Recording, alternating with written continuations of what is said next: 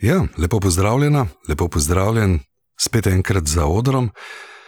Tvoj gostitelj sem Matic, v okviru seveda podcasta Špilej in uh, prostorsko v studiu Most, mladinska postaja Moste, Maruša Bor, Nik, hvala lepa za gostoljubje. Pridite kdaj pogledat, če vas zanima uh, v mladinsko postajo Moste, kako je videti tak do-it-yourself majhen studio, sploh pa če vas glasba zanima.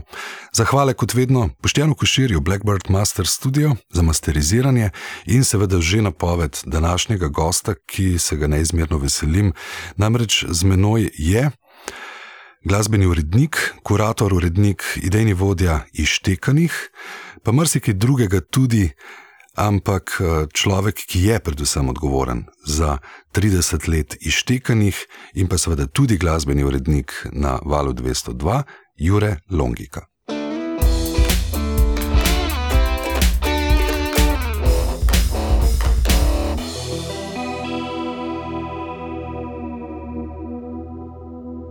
Jure, lepo zdrav.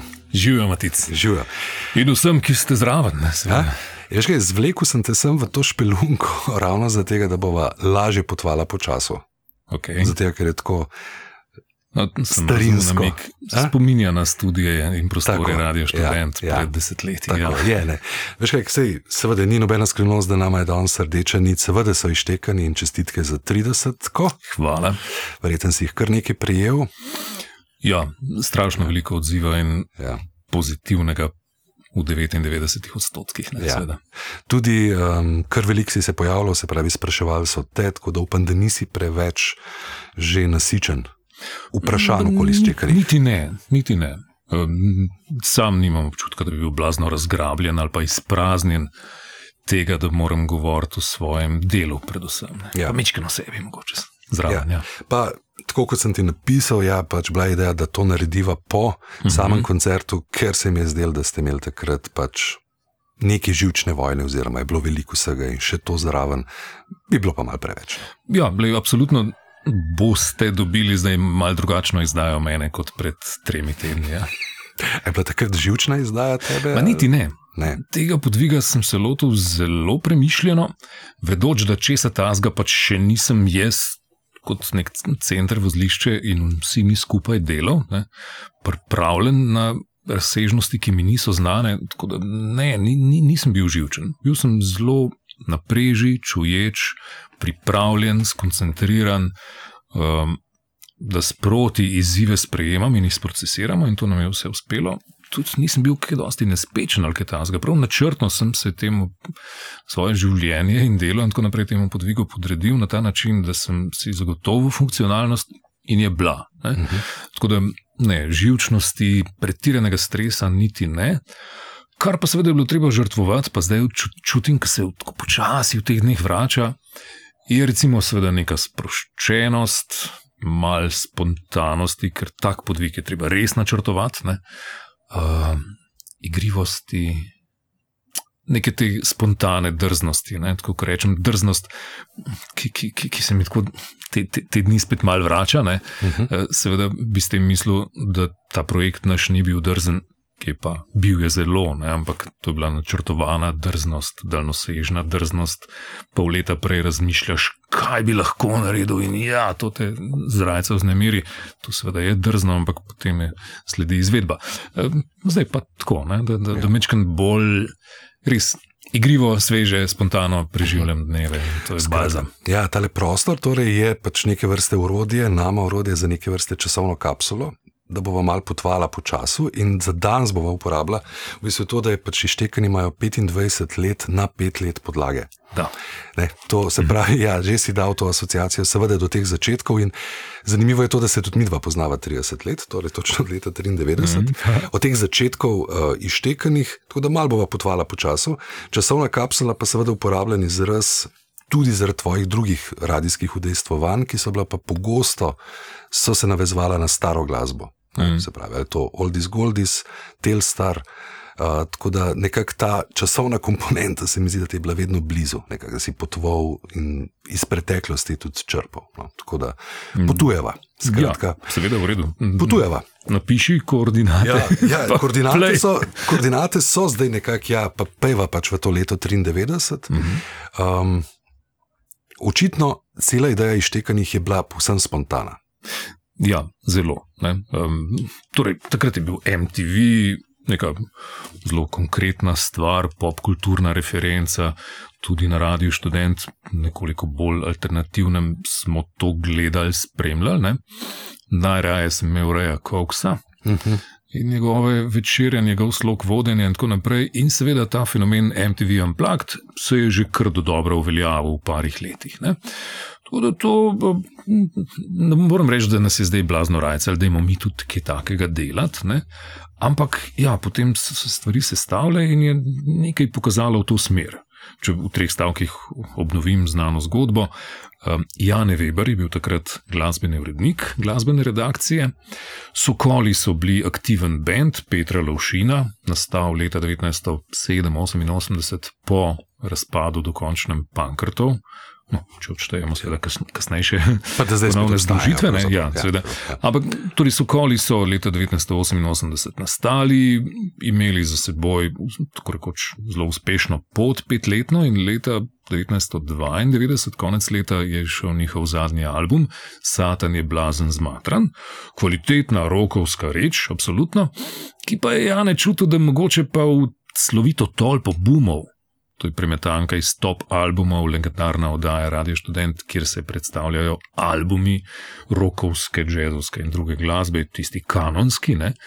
Da te, a, to, to ne sodi, mislim, po njegovem bi že mogoče sodilo, ampak eh, ta trša linija, malo bolj alternativna linija glasbene redakcije, bi ga verjetno pogrizla, če bi to uh -huh. zares eh, predlagal, da se da v tolpo bumov. Želel je pa, da to na programu predstavimo in je ponudil meni.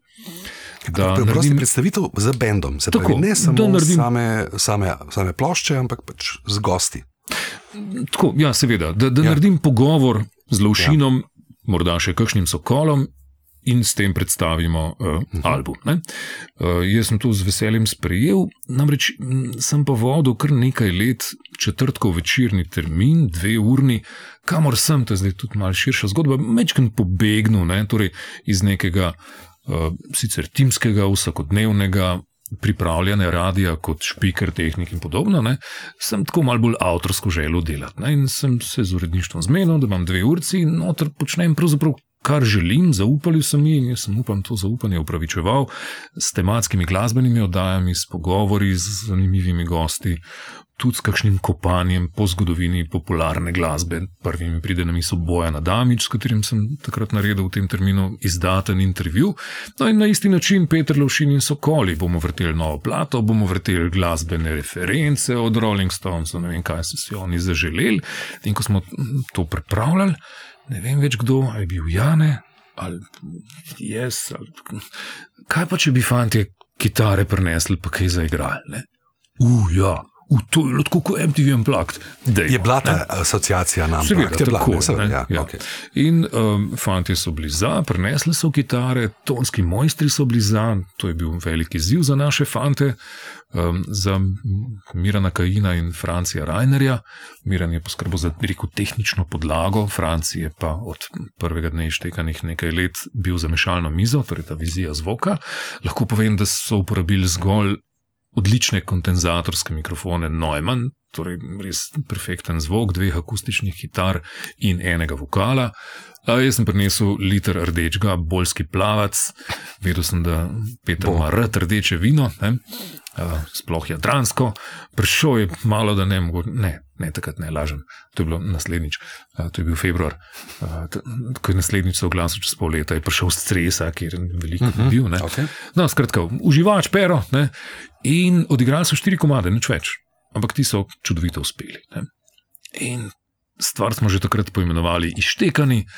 Seveda, MTV Unplugged eh, termin je mečkan tehničen in sem pri tem ustrajal, usiljevala se je alternativa odštekani, ampak se mi je zdela pretenciozna. Ne? Mhm. Zakaj bi se deklarirali kot odštekani? Ne? Se smo lahko tudi čist straight, pa pametni, pa decent, ne? ampak ištekani, ja. Ja. In je tako dobro uspelo, da smo se tako za- začeli pogovarjati, kako naprej. Je bilo tako, je pa to, okay, to je ratal. Gremo dalje. Ja, v- takoj, čez nekaj tednov. Ne. To obstajajo so te četrtkovi, Ja, te tvoji. znotraj tega, jaz sem Tega, tedensko ta program pripravljal in vsake toliko časa so pač se znotraj zgodili ištekani.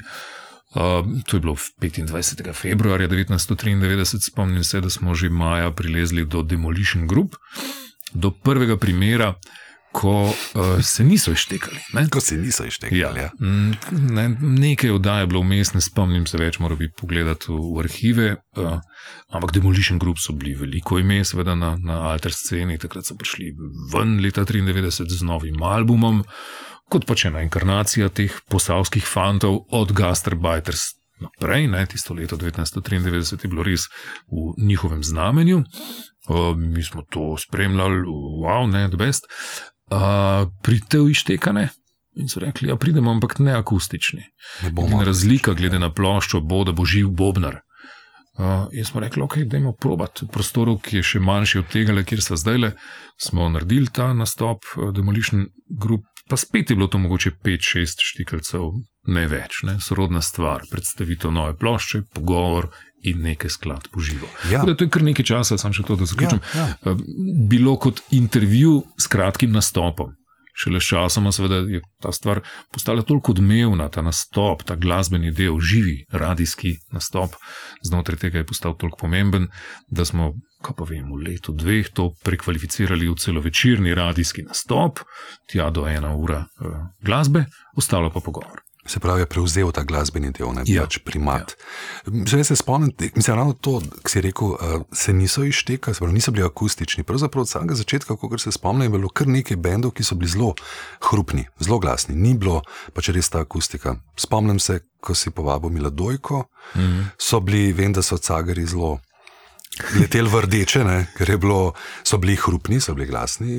Ja, ampak tukaj moramo govarjati, da so bili glasni, zato jih je bilo veliko. Velikih je osem. bilo, ja. so bili pa popolnoma izštekani. Ok, ajde, bas kitara je zelo pogosto ja. električna bas kitara, ne vedno kontrabas, ne, to je tak kompromis, pa pri nizkih frekvencah se to niti ne pozna, medtem ko um, to kalni del je prevzel veliki prekmorski boben, ki ga je.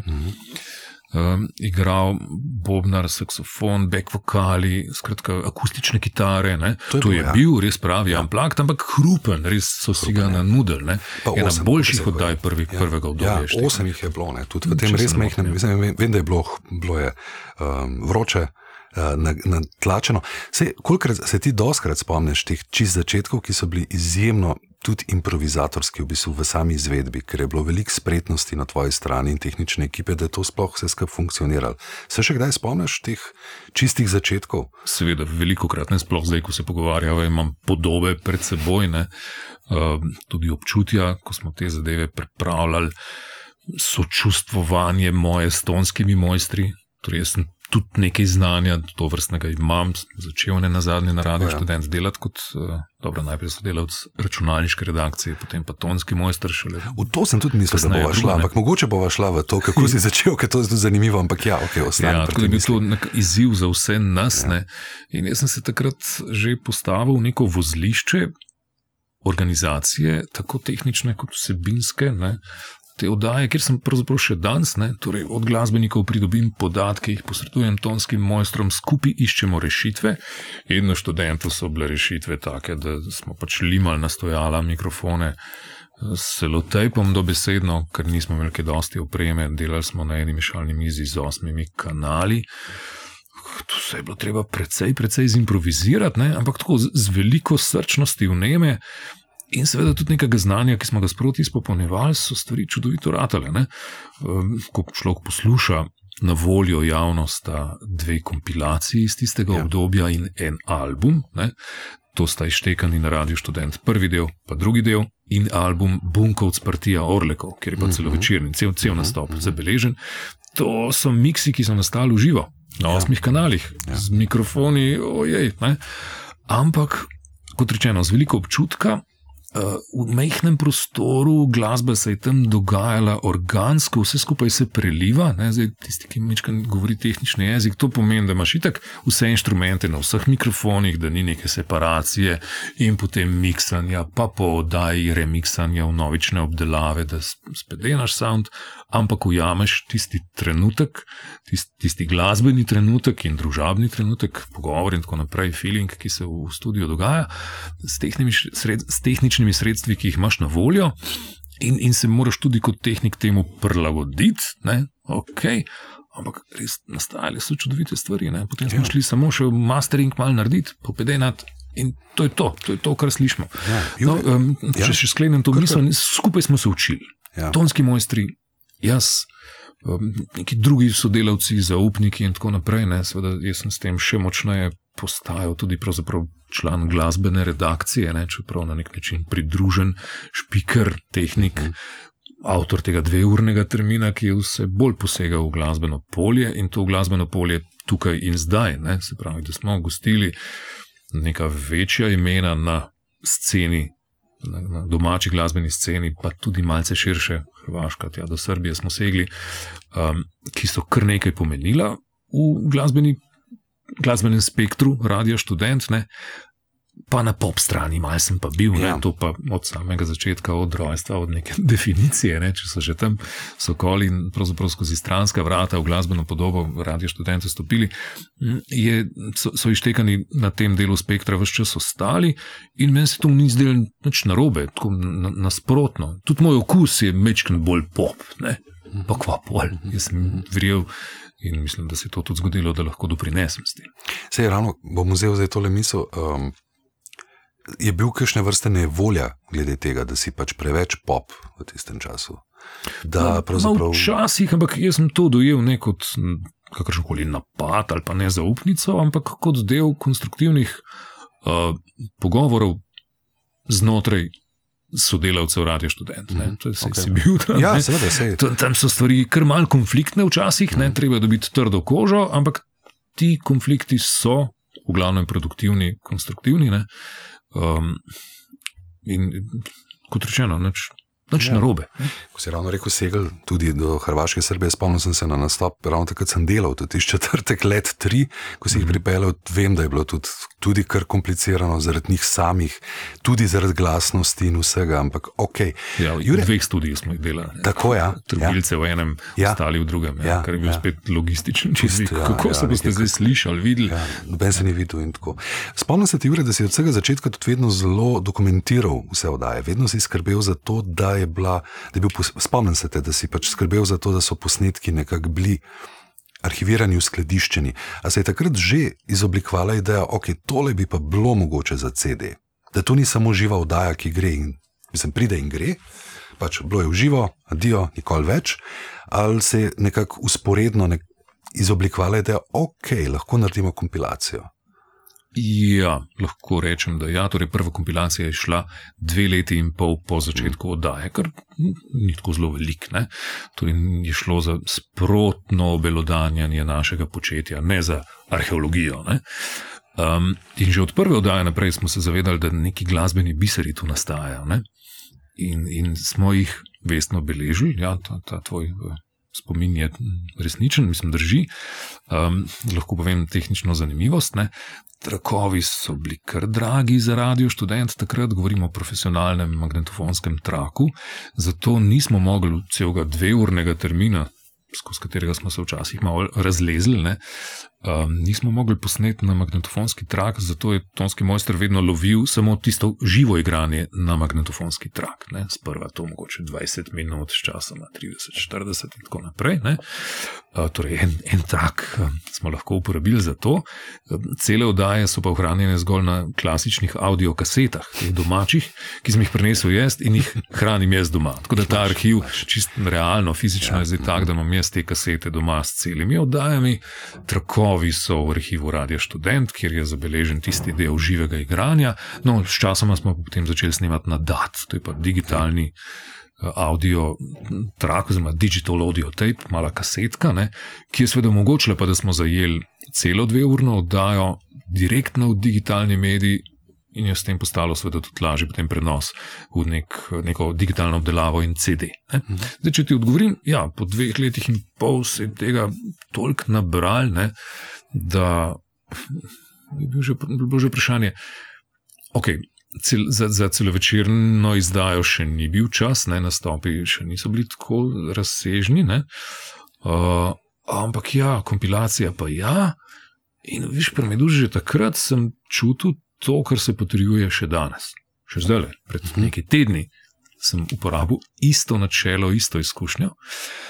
Ne en komat, ampak dva, mogoče celo tri. To je tisto, kar ponudi malce več. S tem dobiš neko dramaturgijo med dvema skladbama, ena je taka, druga je taka, vmes lahko vrstiš košček pogovora.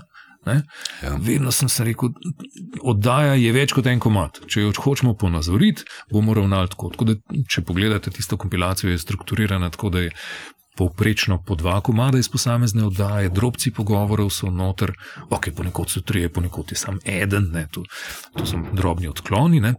Ampak ja, in lahko povem, da ta princip uporabljamo zadnjih deset let tudi na izštekanih deset. Uh mhm. -huh. Ki so se redili kot ištekanih 20, ne, takrat ob 20-letnici smo pa rekli, da smo imeli 20 bendov, šit to tumač. To je pa res. 10, pa ja. vsak dva komada, kul. Cool. In ko smo to naredili, se je izkazalo, da to, to špila.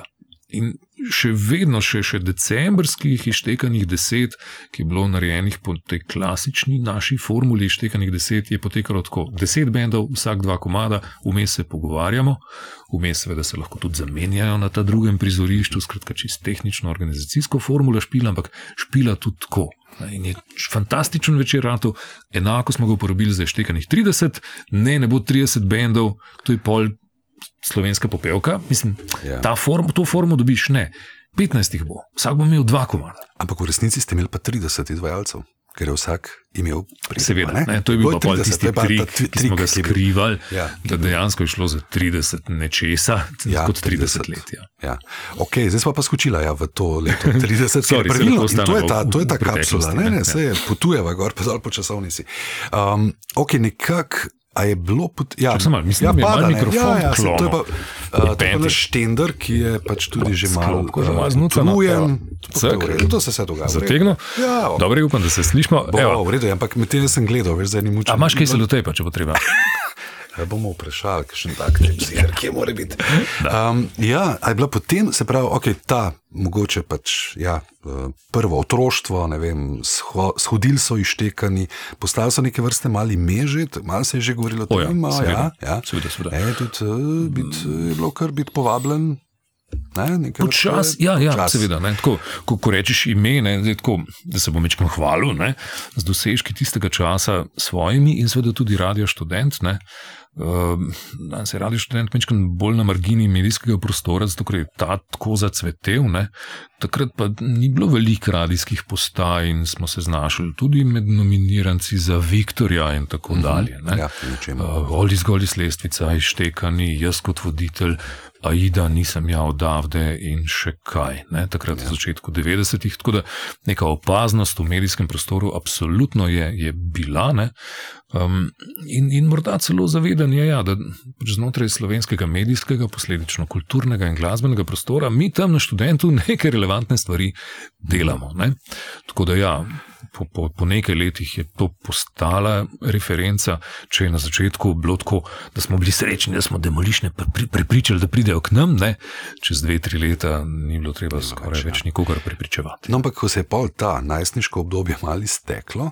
A je bila potem ta selitev na Val 202 logična iz večjih razlogov? Tvoja lastna selitev, verjetno, pač na študentu nisi več bil si dosti star, no? ali pa smo ja. bili vsi dovolj stari. Res je, na študentu smo pač, skupaj na polno 12 let sodelovanja. Ja. Od začetka prvega leta, ko sem bil sodelavec računalniške redakcije, ampak se svalkal po tistih prostorih, ugotovili so, da je tam en mulj.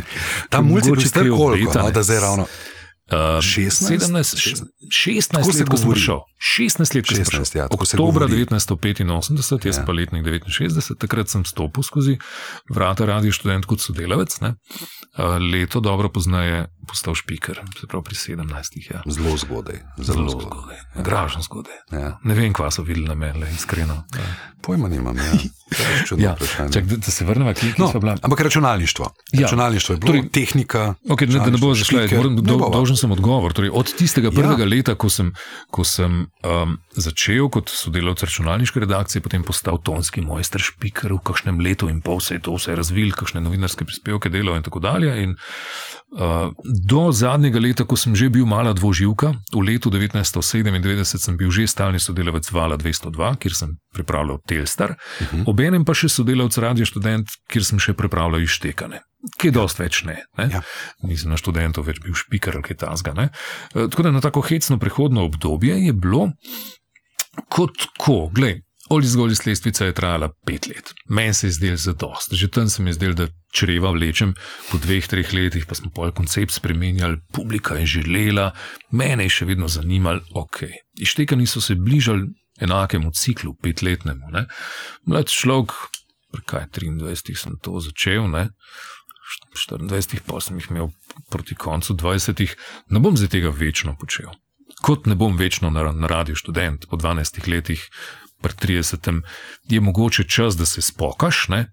Oziroma, ok, ne obsojam nikogar, ki je tam že dolgo, ki dela neke nišne stvari, ne, uh mhm. -huh. ki, ki lahko živijo samo, samo na radiju študent. Jaz sem bil vendar letko, ja, če rečem, malo bolj pop, širok medijski človek, ne, od tega dela sem takrat že živel, nisem še zdaleč eh, sodeloval samo z radijem študent in treba je bilo biti in, in pustiti te stvari nekako za seboj, in verjetno bi tudi ištekane s tem pustil za, za sabo. Ne.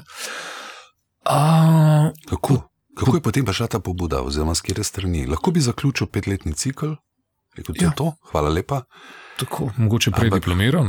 Ja, recimo. Sem pa še leta 2002, po 13 mm -hmm. letih. Um, televizija Slovenija ja. je vabila takrat. Televizija. Ja.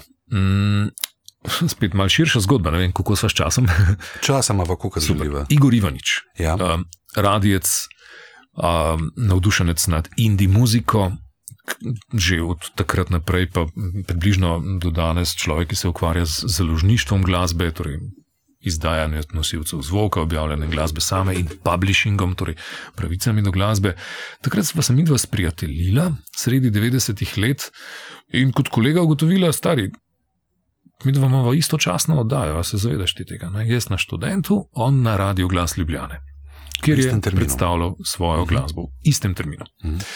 Od tega je, iz, iz tega je zraslo približno polletno sodelovanje med Radijem Glas Ljubljana in Radijem Student, ko sva se z uredništvi seveda dogovorila, en teden bom delal jaz iz studija Radio Student izštekane, drug teden boš delal ti iz studija RGL svojo avtorsko glasbeno oddajo in prenašali smo drug drugega. Za izštekane je bil to velik met, kajti slišnost radia Glas Ljubljane je bila veliko širša od Radio Student. Pa, drage moje, drage moje, treba se zavedati, takrat ni bilo spletnega radia, takrat ni bilo na zahtevo, na zamik, za nazaj. Takrat je bilo treba oddajo ujeti, ali pa nisem nikoli več slišal. Ja. Takrat je bilo treba biti v območju slišnosti, fizično, če ne, nisi mogel poslušati. Ne? Tako da to, da so ištekani pol leta na 14 dni, pravzaprav v bijavskem tempu, ne tempu, ki ga niti nismo bili prej vajeni, proizvajali oddaje, muziko in tako naprej. Je seveda pomagalo, to se je dogajalo po leta 94, 95, mm -hmm. ne spomnim se več ja. točno, ali na 5-6, ne vem, pred, treba pogledati. Um, To, to je pomenilo velik skok. Ne vem točno, zakaj se je po približno pol leta to malce končalo. Lahko omenim še, da smo um, takrat naredili nekaj podobnega, kot danes pomeni izštekanih deset v Kino Šiška, v že podrto Dakoto v BTC-ju. Smo pripeljali glasbenike, naredili izštekane pred publiko, smo takrat temu rekli. Prvič je bilo 800 ljudi, velik uspeh, ta drugič 200, malo za tisto oddajo. Pol PR-ovsko smo zadevo združili, da smo pripravili dva koncerta. Ištekani pred publiko, skupaj tisoč obiskovalcev. No, tudi to je takrat se zgodilo, pol ne vem, to sodelovanje se je izteklo, ištekani so vmečkrat spet šli v nek mali downsizing. Igor Ivanič je pa postal uh, urednik popularno glasbenega dela razvedrilnega programa na televiziji Slovenija, pod kar je spadala tudi sobotna noč. Če se spomnite te uh mhm. -huh. oddaje in ideja njegova je bila, da imamo mi znotraj sobotne noči ištekane v studiu televizije Slovenija delati. In prijatelj sva bila, mene je v to, v to prepričal, vse ni bilo treba kaj dost, v bistvu me je bilo treba prepričati, da jaz sam kot voditelj, kot medijska faca pristanem na to, da grem na televizijo. Takrat nisem hotel tega. Ja. Predvsej je bilo teh Ja. vabil, ja. mlad, propulziven radijec. Ne? Ja, je tako logično, da boš prišel k nam na televizijo in naslednja bo šla tvoja karijera na vzgor. Normalna. Naslednja, naslednja štenga. Ja, jaz nisem tega medija čutil kot svojega in sem to kar ustrajno zavračal. No, leta 97, tam enkrat na pomlad, v začetku leta, sem pa sprejel ta izziv, rekoč, ok, v imenu ištekanih, ki jim lahko s tem zagotovimo novo življenje, novo štengo, kot si rekel, ne. V ištekanim, sami oddaji, ne meni, iz tega nisem rabo, nisem ravno hotel. Ne. Sem bil pripravljen to storiti. V redu, bomo delali televizijo, super. In takrat eh, potem delaš na osnovi skoraj petletnih izkušenj uh, vizijo novega, ki je super laufala. Ne, jaz moram reči, da sem si predstavljal, ko, pogovarjali smo se, kako bo to v studiu laufalo, tako domačna scena, mal dnevna soba. To kasneje so se pojavili living room concerts. Ne. Mhm. Že takrat smo imeli to vrstne ideje, ki spet niso zveravno revolucionarne. Da se razumemo, ištekani so zelo tradicionalna radijska forma. Od začetka se je na radiju slišala Tako. živa glasba. Ja, ja. Še pred Sami posneto, ki je takrat ni Tako, bilo. Ne? Ja. Um, Orkester, ja, v pa gremo. Ne? ja, Tako, pa voditelj, ki- Vse, vse uživa. vse uživa. Ja. Tako Da, in pa smo rekli, ok, televizija, scenografija, malo kot dnevna soba. In uh, potem tam en tak zid, veš, na hladilniku, za razglednice, magnetki, tam bojo. Bomo popali gor pretekle štekane zgodovino, mogoče bo vsak gost imel izziv, da je nam prispevati nekaj za naš bord. Ne? To bi bilo luškan. No, skratka, in zbirali smo, zbrali smo ekipo, velika imena. Če kdo posluša tole, Ajax, grafična podoba, Uh -huh. Sašo Podgoršek bi bil režiser oddaje, Tomaš Štrucl bi delal scenografijo, torej scenograf in tudi gledališki režiser in tako naprej tistega časa. Jaz bi stvar seveda vodil, ne, tu smo se menili, eh, narejeno smo imeli že pilotno oddajo, eh, scenarij, ne posneto, scenarij, pol pa nekako ni šlo. Ne? ne vem, kdo zdaj je bolj kratkovidno razmišljal, ali bi to Igor, ne verjamem, ne bolj, bolj kdo drug, kdo više. Izkazalo se je, da te naše ideje so malce preveč ambiciozne. Da, da, da ne, tam ni pripravljenosti, da denar za novo scenografijo. Pa se imamo scenografijo sobotne noči, tam se postavite, ne, medune stoš se iz nekih trakov. Smo rekli, ne, ne bomo tako delali. Ne. In nekako sem gotovo, da, da tam ni pravega humusa. Ne, Mhm. kamor bi lahko presadili ištekane na, na lep, učinkovit način, da bo to res dober. Ne? Uh, da to ne bo sam še en koncert v studiu, kar se je itak že produciralo. Tudi, ne? Ištekani so imeli že takrat svojo zgodovino, svojo podobo, svoj, uh, svoje vzdušje, svojo po, po, posebnost v tem smislu. Ne? In smo se razšli mm, po nekaj mesecih pogovorov in priprav v letu 1997, in potem je konec leta 97. Takrat se je pa tudi radio študent celo iz spodnjih prostorov gor, ne, kar je mogoče malo pri meni intimno pomenilo še toliko lažje trganje. Ne, Te popkovine. Preč te popkovine, ja, teh korenin in tako dalje. ne. Ja. Vedel, vedel sem, da, da, da moje prihodnosti na radio študent ni več in s tem tudi ištekanih ne več. Pa se je zgodila tudi tista slovita stavka, ker tudi po tistem se nikoli več ni, se nas kar nekaj ni vrnilo. Ne. Uh, Sicer, ok, s polnoritev lahko sram, da se razumemo. Ne? Jaz sem imel kam iti, jaz sem vedel, ka, da, da bom s tvojo sodelovanjem nadaljeval z nacionalnim radijem. No, v vsem, vsem tem kontekstu je prišlo povabilo Vala 202, oziroma konkretneje glasbenega programa Radia Slovenija, ki ga je vodila Mojca Menard. Takrat je bil radio mečken drugače strukturiran še in je glasbeni program pravzaprav futrov prvi, drugi in tretji. No, in seveda smo umestili stvar na drugi program Radia Slovenija, Val 202. In uh, začeli delati. ne. To, to, to je paratelo tako zelo na hitro, od jeseni, od kakšnega septembra, oktobra, 1. Jan, mislim, ne 1. januarja je že bila prva, Prva oddaja? oddaja. Uh -huh. okay. um, veš kaj, super.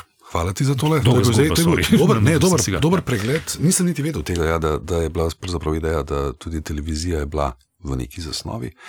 Um, ok, potem pa teh 25 let. Jure, ali je bilo kdaj v tem območju, v tem obdobju, pravzaprav kdaj ogrožena uh, usoda iztekanih? po eni strani mogoče nekoliko z tvoje strani, da si se kaj nasičil, Mhm. in seveda glede na razne menjave uredništva in tega, da je nekdo rekel, da je tega pa že počasi dost. No, najprej, da na kratko odgovorim na to drugo. Je pravzaprav odgovor ne, čeprav se je pred približno desetletjem, tam v času ZUIF-a, ne, torej zakona mm. o uravnoteženju javnih financ in nekih rezov, ki so se dogajali tudi na uh, radio televiziji Slovenija. Se je govorilo, da, da, in se je, to je zanimivo, takrat v glasbeni sreni pojavil strah, jo, bojo štekane tudi odrezali, bojo jureta tudi skinili. In so se takrat prav tako spet mal gras, ruc, ker nekaj glasbenikov in tako naprej mal zasekirali, pa so me sprašvali, Jure, ti, a, a bo štekani bojo? Jaz sem rekel, jaz nič ne vem, da ne bi bili. Ne? Tako da resnih groženj ne, ne morem Do tebe sploh ni nič opredeliti. takega, ne? Ni prišlo Strahove takega. pač in recimo iz tega um, strahu, ne, takega hipnega, je da nima izraslo sodelovanje, ki se je lepo izvedlo marca leta 2013 v Kinu Šiška z bendom Dundee. Recimo. Ne? Če Spet v minuti Ja. lahko urišem. Dundee je gostoval v Ištekani veliko krat, ne? prvič leta 2000, potem leta 2007 in malo kasneje, ne tri leta, ne štiri, sem jaz od menedžerja Blaža Gregorina dobil en signal, ti fanti nekaj pripravljajo, kar bi tebe morali zanimati. Jaz sem bil pa hladen, nisem trzal, kot tako, le 2000-2007, stari ni še dovolj vode preteklo, naredili smo dve super oddaji, sorry, ne morem. Ne? In potem je dan, da je prišel ven s tem čudovitim projektom Tiho. Leta 2012, ne, ki vemo, kaj je zdaj naredil za njih, kot za bend, pa malo za naš kulturni prostor. To je bila res čudovita stvar. Ne. In jaz sem se toliko po glavi, najbolj seksi na svetu bi bilo premjero projekta Tiho narediti v Štekanih. To bi bila res lepa sinergija.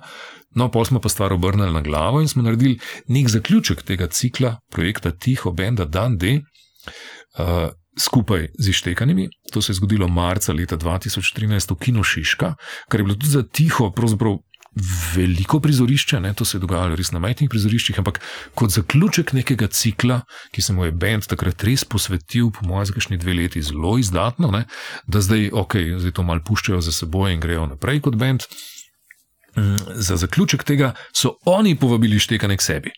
Ne, to je bil tak konceptualni obrat, lep, jaz sem bil čudovito vesel tega in seveda sem sodeloval pri snovanju tega konceptualnega obrata. Torej, tam takrat niso dan, da je gostovali Štekanih, uh -huh. ampak so Štekani gostovali na koncertu Dan, da je tiho v Kino Šiška. Ne, in, in seveda smo pol tudi to prenašali na radio, jaz sem bil na odru, jaz sem stvar povezoval, bil en tak hibrid med njihovim tiho in ištekanimi. Uh, in to se je zgodilo iz tega razloga. Takrat so mene dan, da je tako uno sprašvali. Ti, stari, boš imel oddajo, da je prid, bomo mi skup naredili oddajo. Dej, če, če, ti- če te bojo tam skinili, bomo naredili serijo klubskih koncertov ištekani, bomo mi pomagali. Bomo, veš, to srednja se, se, se je zbudila. Reševanje Jureta. Če bi Na treba rešiti, ali pa ištekanih. Ja, ne, Ištekanih. seveda. In, uh, ni bilo treba na nek način, ne, hvala Bogu. Um, domicil ištekanih še vedno je na valu 202, podpora je in tako dalje. Ampak takrat smo bili najbližje mogoče, mogoče temu. Ne. Uh, drugi del odgovora, ja, moja Prvi, naveličanost. Tvoja, tvoja, ja. Ja, tleh moram priznati. Jaz sem pač seveda zdaj že več kot 25 let sodelavec eh, Vala 202 redni in 17 let od tega sem delal tudi oddajo Telstar, ne, ki se je že večkrat omenil. In naj to pomeni ena tedenska oddaja, naporna reč, ne, če to delaš 17 let, si predstavljate, ali pa mesečna oddaja, tudi dolga leta.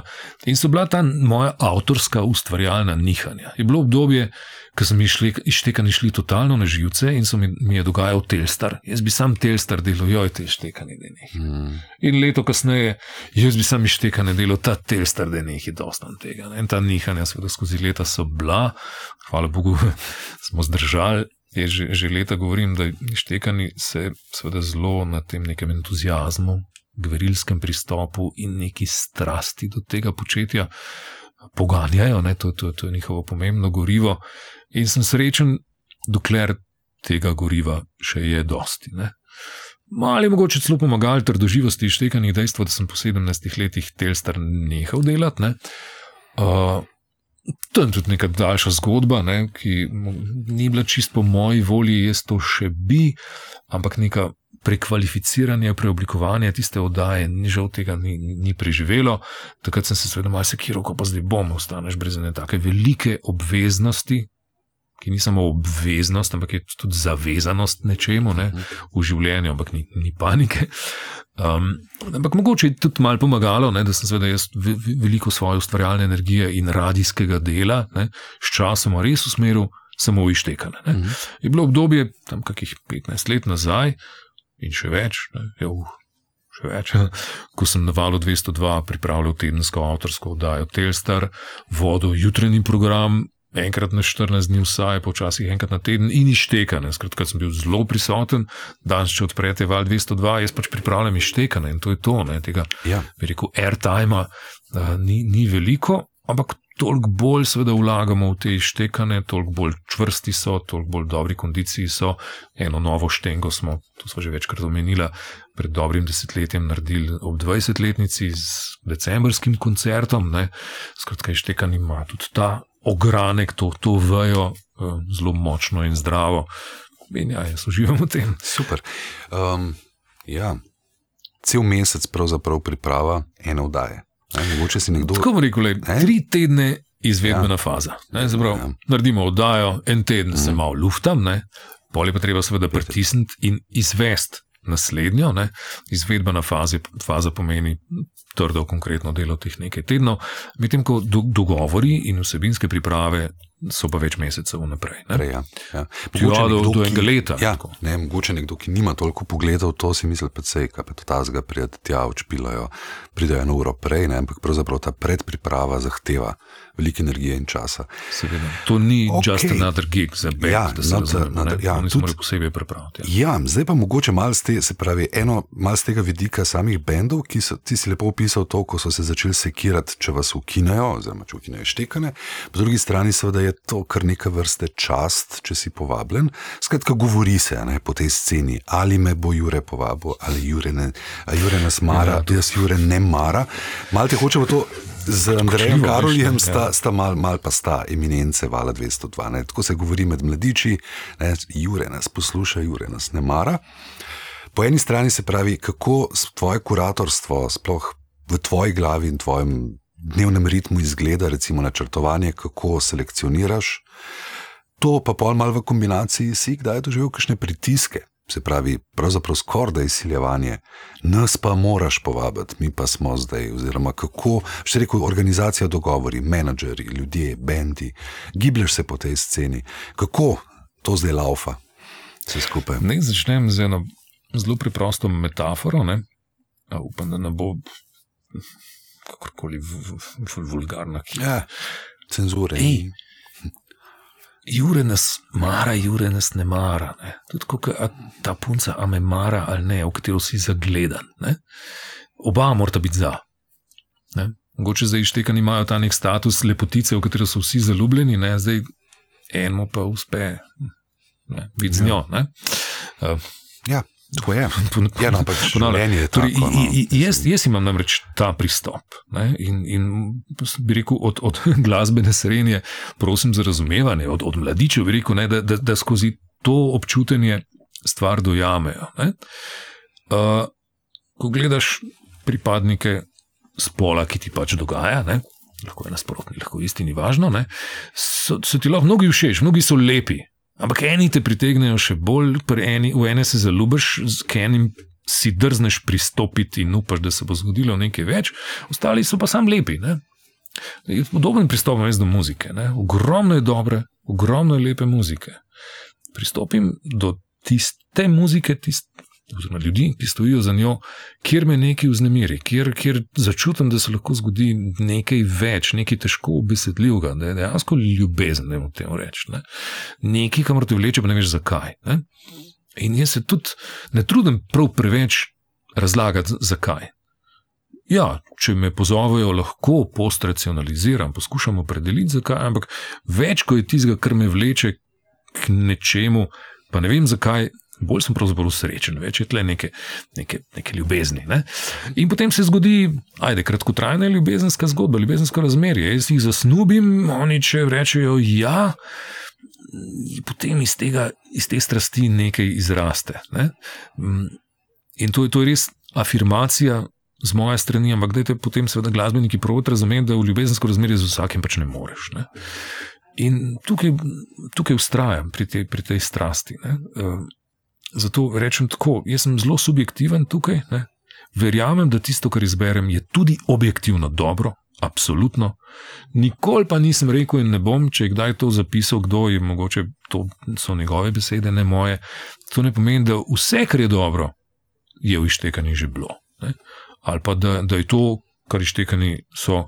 Vse, kar je objektivno dobro, ki pa je, se zavedam, da je tam ogromno dobre muzike, ki mnogo ljudem dogaja, meni pa ne dovolj, ali pa sploh nisem imel priložnosti dovolj spoznati, da ni prišla v ta krok ištekanih. Bog pomagaj. Tudi ištekani so zgolj ena oddaja, ne? enkrat na mesec, deset jih je na leto, to je relativno malo, vedeti morate to, ne? tisti, ki, ki na tihem. Želite sami priti not, ali pa bi želeli, da vaš umiljeni bend, izvajalec, pristane v ištekanih. Tu, tu smo pač omejeni, uh, ne na zadnje, tudi preko ta vir strasti, človeški je omejen, mi bi lahko mogoče tedensko to delali, sam mislim, da bolj ištekanje ne bi bilo več, mm. da bi se iztrošili. Mm. Jaz bi se iztrošil. Tako, uh, tako da je ta tempo tisti, ki do, do, dolgo življenje zagotavlja. In to je pač to, kot rečeno, jaz sem tudi samo človek. Ne? Čeprav sem tle v neki poziciji deljenja skoraj da pravice, ne? titule, nekdo je povabljene štekanje, to pa je neki, ne, Lete, jaz res, res ne čutim tako. Zavedam se, da ima to ta učinek, ne? ampak jaz intimno ne delim pravice, a eno fucking God, ne? kljub tem metaforam, mm -hmm. God is a DJ in tako naprej, to so luškane. Ne? Um, in, in, in to je to, da je to razumeti. Torej, uh, moje srce ima omejene kapacitete za ljubezenske zgodbe, ne? in moje obzorje je omejeno. Torej, so stvari, ki jih sem premaj spoznal. Ampak potem čas tudi dela svoje. Zdaj, zdaj prehajam konkretno k, k temu, kako pa selekcioniram. Ja. Kako vzpostavljam to ljubezensko razmerje, ne? kako osvajam, če hočete. Ja. Um, Pod vprašanje sem to, ali so stvari zelo planirane, ali so včasih zelo spontane. Ne? Se pravi, da bi lahko ti popolnoma koncept sprejel in rekel: Wow, to je pa nekaj, tole bomo pa delali zdaj. Ja, se, se tudi to zgodi, seveda. Se zgodi. In tudi zato je mogoče se, se zdi, mogoče malček včasih tudi brez koncepta. Ne? Ampak, gledajte, zagovarjam to, ne? to zelo klasično, preprosto formo. Nastop v studiu s pogovorom. To je to, to je koncept ištekanih. A poseben nastop, seveda, vsebinsko, ne? ampak formalno, kaj bi lahko zaščitil, recimo, če bi hotel avtorsko to oddajo zaščititi, brez veze, ne, ne bi. Ne? To lahko dela kdorkoli. Ne? Vrednost se z leti zgradi in tako naprej, in je v tisti dodani vrednosti vsebine, seveda. Ne? Uh, ok, pa malo sem zašel. Ne, sem, to je namen tega sorry. pogovora, da malo zaide. Ni problema. In, um, tako da do, dodana vrednost je v tej vsebini, ne? Vrednosti štekanih je v retrospektivnem pogledu, ko pogledaš seznam, pa ko klikneš, pa vidiš, kakšne oddaje in kakšne dosežke, kakšne presežke so doslej tisti dosedani uh, naredili. Ne? In seveda potem lahko vsebinsko malo predelim ta koncept. Tipično v ištekanje pride izvajalec, ki se je seveda že potrdil, ne? ki, ki ima določeno pot za seboj, v javnosti širši. V mojih očeh, v mojem srcu, ne? in potem začutim, da je pa cajt, ne? da tole, tole pa ištekajmo, da je zdaj to, kar, kar vsi poznamo, kar, kar, kar je okrog sebe že zgradilo neko skupnost, kar v naših šestih možganih, podzavesti, srcih, kakorkoli vzbuja priklic znanega, kar je že nek soundtrack nekih naših življenj skozi nekaj let, ne? kar nas povezuje. Dajmo to spremeniti, dajmo na to pogledati drugače, pa ljudem to obelodaniti. Ne? In na ta način stvar je zanimiva. Ne? Za širšo skupnost tudi. Ne? Kreslin, kot ga še nismo slišali. Mm. Ja, hočem to. Mislim, mi hočemo to narediti, publika, ki, ki uh, spremlja stvari, pa tudi ima od tega zelo velik. Ne?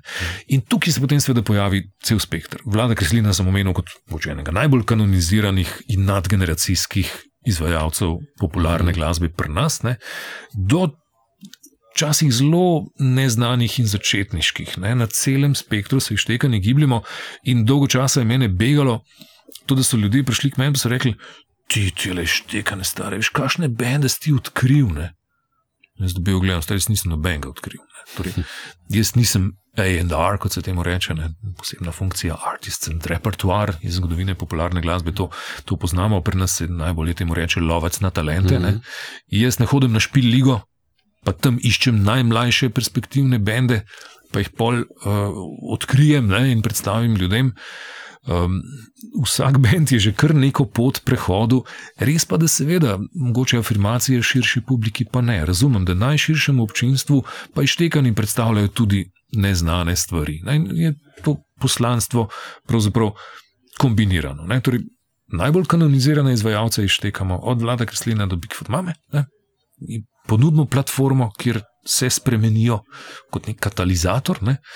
Potem tisti vmes, ki so v mojih očeh, pa očeh poznavalcev ali pa fenov, seveda že veliko prehodili, ne? širši publiki so pa morda malce manj znani, do sem pa tja tudi tistih, ki, ki res so šele na začetku poti. Takrat, če me tok zagrabijo, pa rečem ja. Mhm. Takrat pazim, da nisem prezgoden.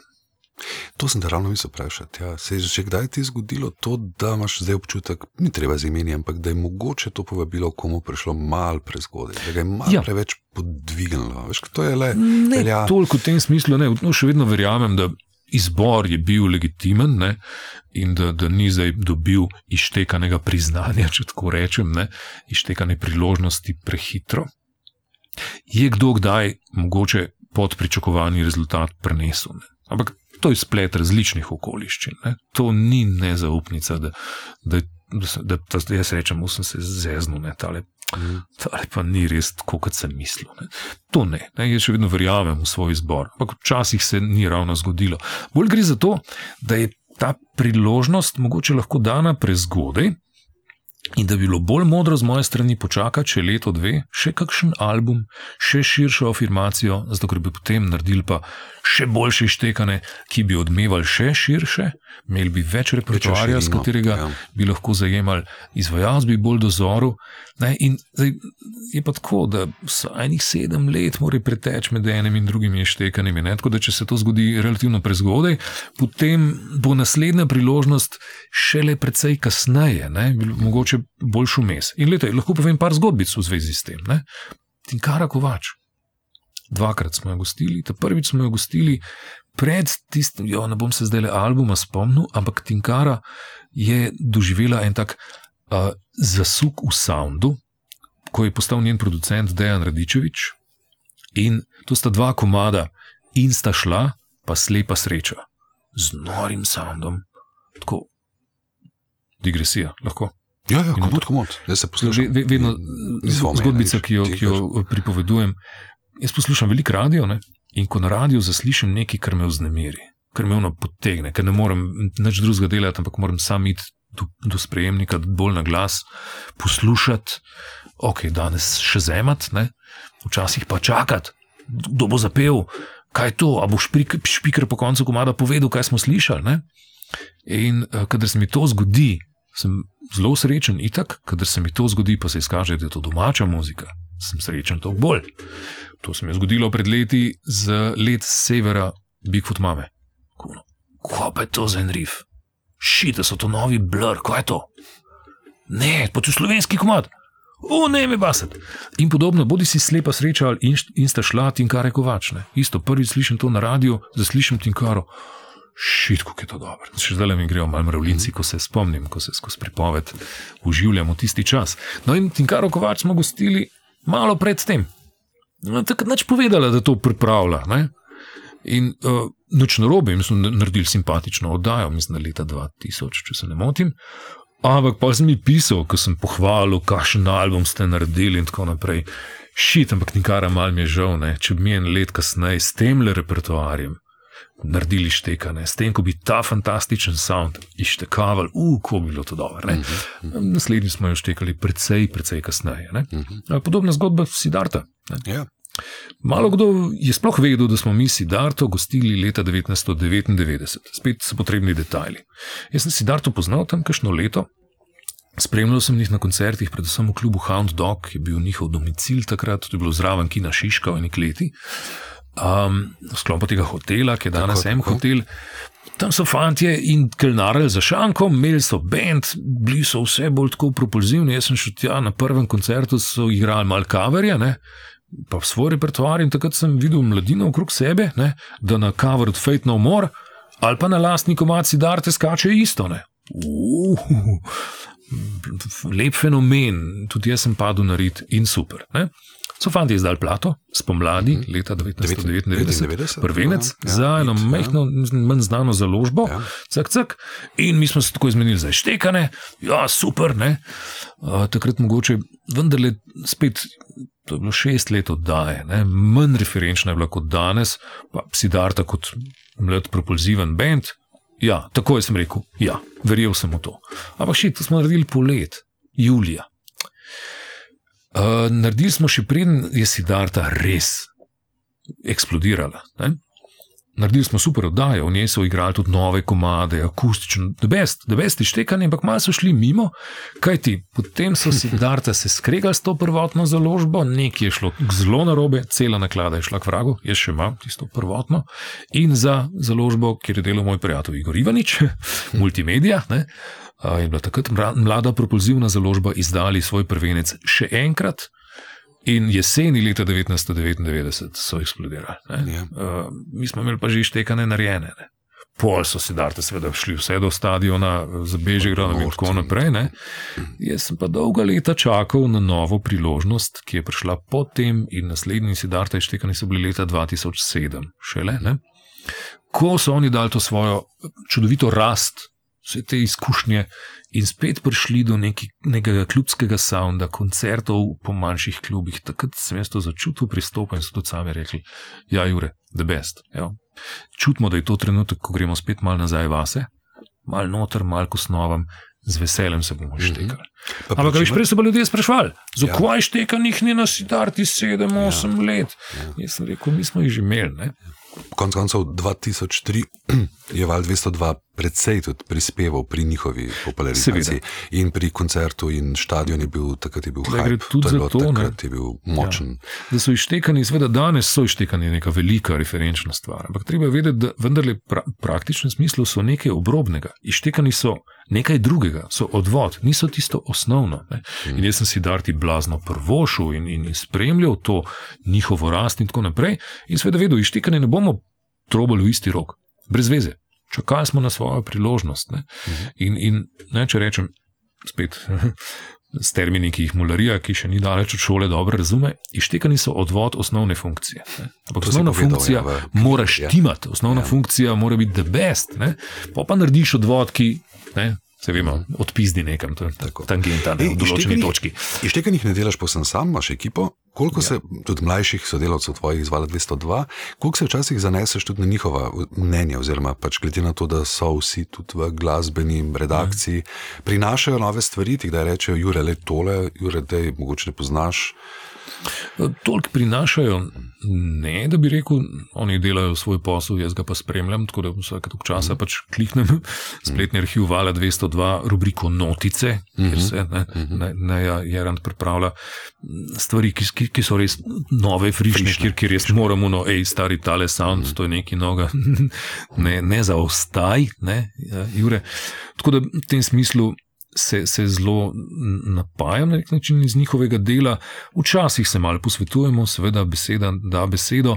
Predvsem se posvetujemo eh, pri izrednih stvarih, ko delamo ištekanih 10 ali pa ištekanih 30. Torej, recimo, ištekanih 30, pravkar izvedenih, je izbor.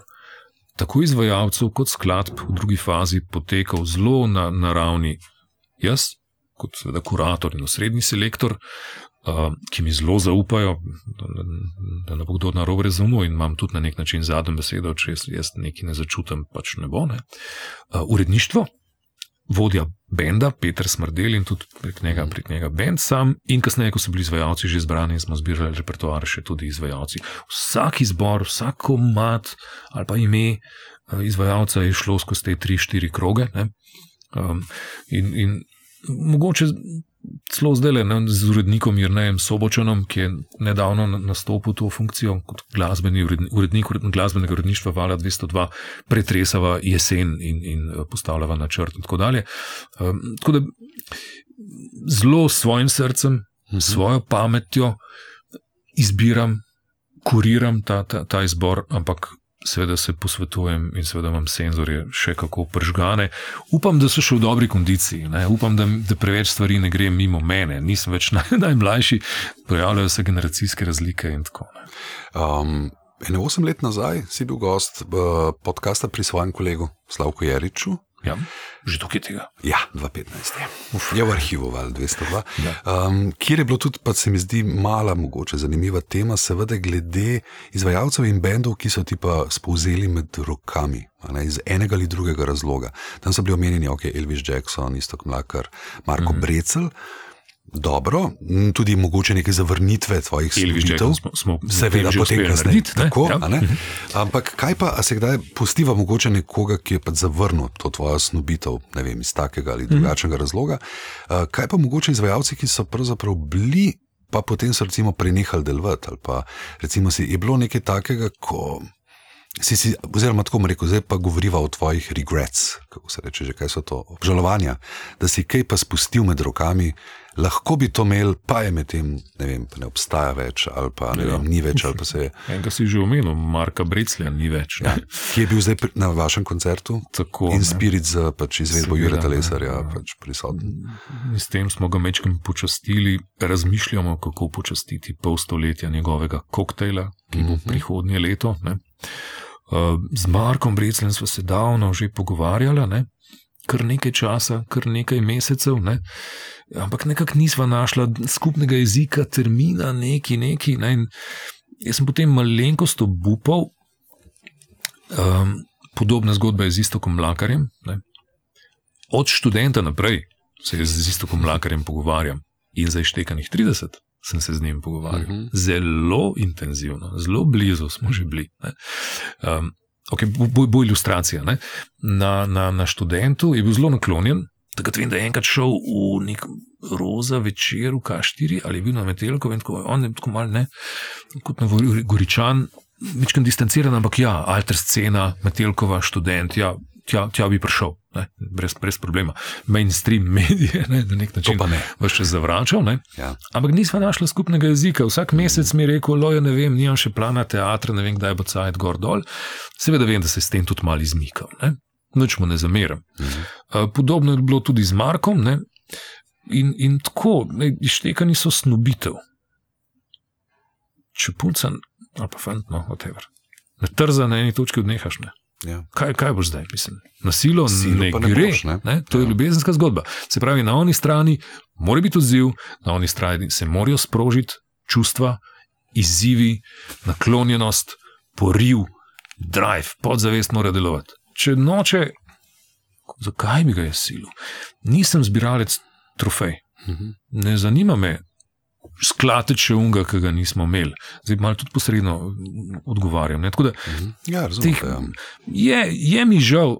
Da za življenje Marko Brecel ni nastopil iz tekanih, ni mi pa žal, da sem obupal in ga nisem več klical. Uh mhm. -huh. Bog pomaga, stari. Ja. Življenje.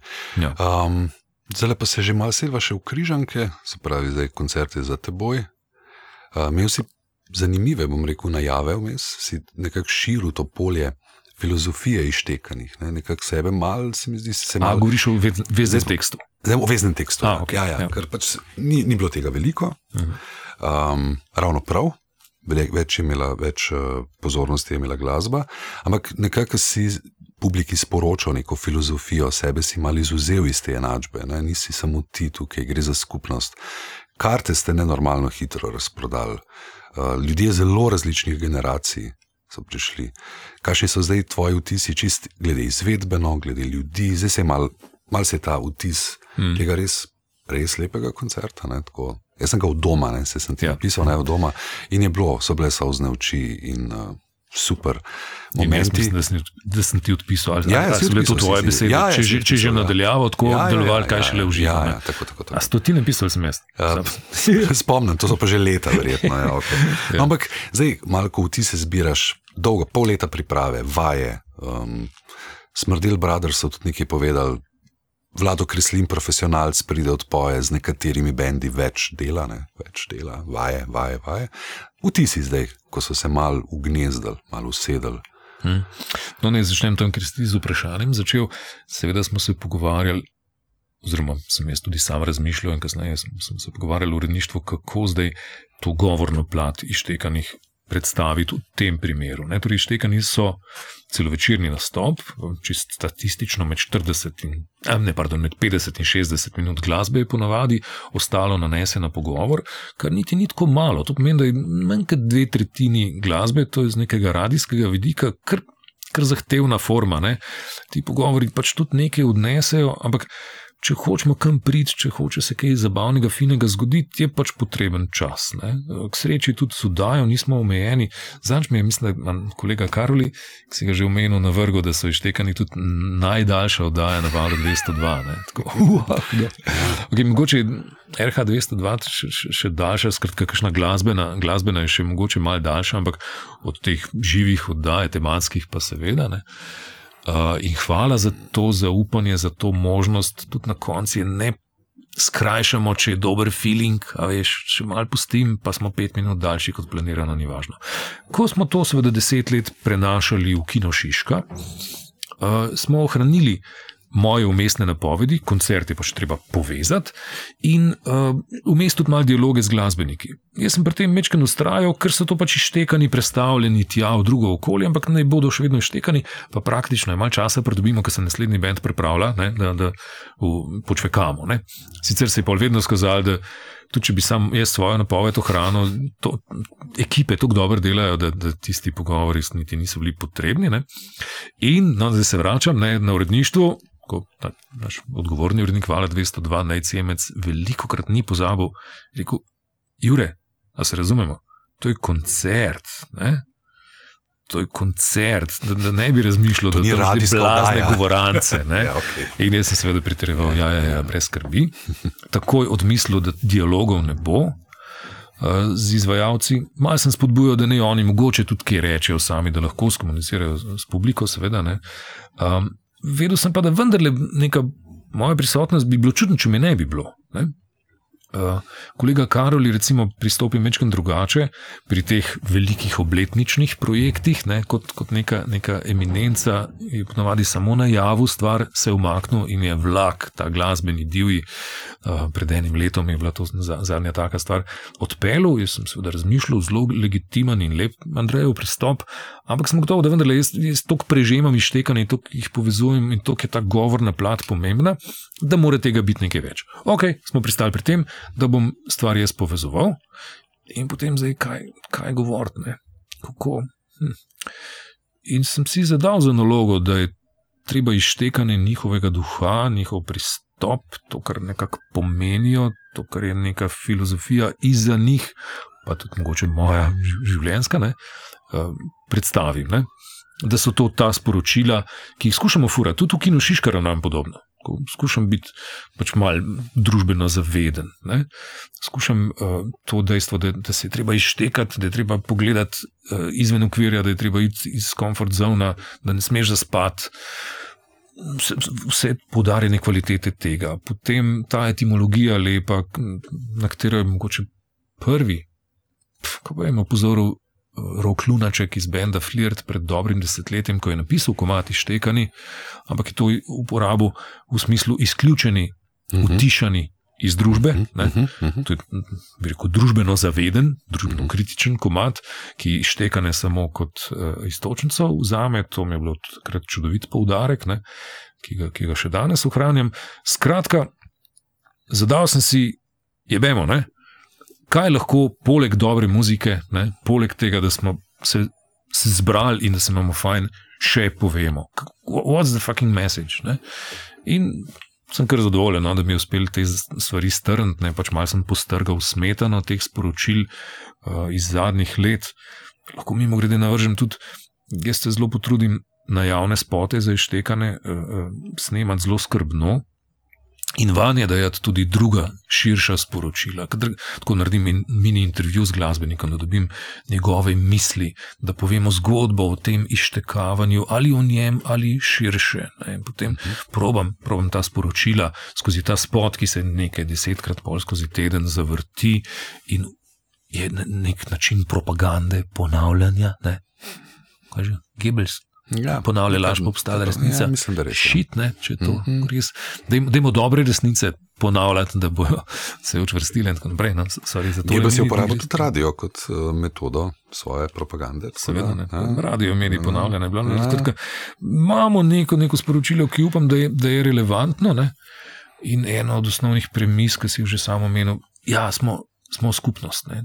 Iztekanje zelo delamo v mali skupnosti, mi skupaj, torej izvajalec, organizacijska, tehnična ekipa, jaz. Ne? V istem čovnu smo, plujemo v isto smer. Če, bo, če bojo egoti sekali ven, če bomo imeli različne interese, če, če ne bomo strpni in tako naprej, ne bo šlo, ne bomo prispeli do cilja. Vsi se zavedamo, da smo izven komfort zona, da smo na poti v neznano, ne, da smo na nek način pionirji na, na ne- neznanih ozemljih. Toliko bolj je pomembno, da držimo skupaj. To, tudi ištekani so zaradi svoje narave res gradnja skupnosti že v tej kapsuli, v kateri nastanejo. In seveda širša skupnost je pa poslušalstvo ištekanih in vsa naša skupnost, kamor sporočila ištekanih sežejo. Bodi si sporočilo samega ištekavanja, ne, ki sem ga že ilustriral, ali pa seveda vsa sporočila, ki jih glasba, ki, ki so v ištekanih pojavlja, nosi. Da, in, in ta skupnost je, gledajte, fantastična. Kako je to, ne? ko, ko ste vi, ko ste zaprti v studiu, lepem studiu, delate, ampak še vedno delate klasično radijsko, si, si seveda ne vidiš svojih poslušalcev, glede na to, da imate dobro poslušanost, veš, da tam nekje so, ampak v križankah jih pa vidiš. Ne? Kako ti je to? A veš, to je. Ne? Ja, A Veš, to so sanje, itak, ne stojiš na odru križank in je tam teh pač 3500, 4000 recimo, ljudi. Malo mal drugače, verjetno. Malo smo seveda že navajeni, to že deset let tudi v Kinošiška delamo. Ja. ne. Uh, ko je res lepo videti te srečne obraze, ne, se tudi fotomaterial pri, priča o tem, par čudovitih posnetkov je naš Alan Orlič Belšak, uradni fotograf ištekanih že več kot 20 let naredil. Um, Tako da mečken, mečken sem tega že, že vajen, ne, pa tudi sicer, kdaj na odru kot voditelj sem, ne, tako da te poti so za me uhojene. V križankah mi je bilo luškan, kako je del publike te v prvih vrstah visel na tistih ograjah. Ne? To mi je bilo tako lu- luškan videti, tega, tega pa seveda ne poznam, ker sem na rokovskih koncertih, jaz med publiko, ne, ne glih med prvimi na ograji, ampak relativno spredaj, to ja. Ne. Kako človek tam na ograji visi, ni mu najbolj udobno, pozoren je, predan, tako kar srka, nag- nagiba se tja proti odru, ampak ima pa pravzaprav sproščen obraz. Ne? Torej, ni bilo tako zelo ekstatičnih trenutkov spet. Ne? Samo, samo neka taka sreča, zadovoljstvo, da tam smo. ne. To, to, to je bilo lepo videti pri teh bližnjih, bližnjih obrazih, uh Mhm. -huh. ki seveda kot eden od performerjev. Ne? Ki, ki je imel svojo nalogo, si spet ne smem preveč gledati, ker te lahko to malo dekoncentrira, od, od, odpelje stran. Ne? Zaznaš, Ja. ja. sprocesiraš pa, pa kasneje. ne. Dobro, zdaj se pravi, zdaj nekako tudi postprodukcija se dogaja, dajete pač posnetke ven, tudi na teh posnetkih na YouTubu. Se tudi vidi te obraze srečne. Mm. Ne, prav, um, meni osebno sicer tako m, priredba um, Adija Smolarja no, me je pač najbolj sesula. Ravno Za zdaj, vajah smo ja, lokal. Ja, To je no, to je tako za naredil. pač solze in super odpeto, super narejeno. Ni, sploh ni problema. Um, ja, počasi greva proti koncu. Ne? Tudi tukaj naj v forma ne omejuje. To je sreča podcasta, ni urednika, ki bi rekel, zdaj, ki bi trkal na drugi strani šipe po, po uri, pa da smo že čez pa rezal, pa ne vem karkoli. Jaz pravim, če je dobro, ljudje ne gledajo na uro. Ne? Ja. Ko delamo kakšne dogodke. Ja. Veš, ne, tako, kot Jaz mislim, sem da to je- Jaz sem kdaj voditelj dogodkov in Ja. ja. vedno rečejo rezati manj, čim manj, manj gor dol. Ja, tako dajte, jaz mislim, da je ta material dober. Dajmo, dajmo, dajmo verjeti, da dolžina ni edina kvaliteta, ne? se pravi, da je kratko. Ne? Ja, se strinjam. Zelo. Tako da ta omejitev, omejenost, ki je včasih tudi na komercialnih radijih zelo prisotna, 30 sekund in tako naprej, se mi zdi, da je preveč oska. Nimam prav dosti več zate, imam pa še nekaj, ravno tudi iz tega tvojega govora. Mm, glede na to, da si prišel na radio pač v enih zelo starih časih, analognih časih. Sam si skozi zgodbo iztekanih zdaj pojasnil, da se je začelo vse na analognih mašinah. Moral si vdajo ujet, zdaj ni treba več ujet, zdaj lahko poslušaš na zahtevo, mm. kar pomeni, da seveda tudi radio, ki očitno je tvoja velika ljubezen. Ne, tudi ta snubitev televizije je neuspešna. Um, si ostal radijec, uh, pa si videl pač to transformacijo radia ne, z pač novo tehnologijo. Iz tvojega govora nekako se je dalo razumeti, tudi, da podtalno ištekani seveda tudi želijo biti mal drugačni v smislu te poblaznelosti. Tehnologije. Ne vem, zakaj sem tako razumel. V vsem tem se pravi, da je to, dobili ste se skupaj v križankah, ljudje v živo, ok, nekateri smo bili nadaljavo, ne? ampak tukaj smo en za drugega, nekako, veš, v tej odtuje. Tako, zgodbe odtujenosti, ki jo tudi tehnologija prinaša. Veš, hočem ti to, se veš, ja. zelo stara zgodba, ne? družina zbrana v radijskem sprejemniku, pa mogoče še širše, cela skupnost, ker je bil sam na radio, posluša oddajo, ki je v živo. Ja? Nekaj zelo nostalgičnega, starega, preživetega, in zdaj, ko je vse pravzaprav res na zahtevo, ko se mi dva ne potrebujeva več ujet v času in prostoru, pa pač vsak s svojimi slušalkami, poslušava isto, vendar pa sva malo odtujena. No, tako nekako, koliko ti zdaj, kot s, s temi izkušnjami, koliko ti to kaj pomeni, ta bližina ljudi. Ja. Bom tako odgovoril, nisem tako nostalgičen, kot si ti orisal, v smislu, včasih smo pa ne, sedeli skupaj in bili neka skupnost, ki posluša radio. Ja. Taj, to je, eh, okay, razumem razumem to, to sliko, ne? ampak je na nek način mečken tudi kočljiva. Ne? Torej, tehnologija lahko nas na ta način združi, poveže, ampak ko smo pa radi, smo lari, ko ima Bog ne daj, da bi crknil televizor. Ne? Torej, smo mhm. zbrani. Čutimo se, smo neka skupnost, ampak s problemi se ne ukvarjamo, puščamo, da nam televizija mhm. polni glavo. Ja. To je kočljivo. Da, rekel si, tehnologija nas odtujuje. Hm, tukaj jaz, kot radijec, tradicionalističen in ištekani kot del te zgodbe, eh, stavim ravno na drugo plat istega kovanca, kako tehnologija združuje. Um, medij ima, bi rekel, tri funkcije. Ne? One to many, se pravi, sporočilo lahko prek njega razširimo na zelo široko, premaguje prostor, na, drugi kon, na drugem koncu sveta, naj jo lahko zdaj le poslušajo in premaguje čas. Uh mhm. -huh. In ištekani, pa radio na splošno kot mediji, uh, krepi skupnost skozi to, da smo v istem času. Smo na različnih prostorih, ampak radio je skupnost v času, če, če tako uh mhm. -huh. rečem.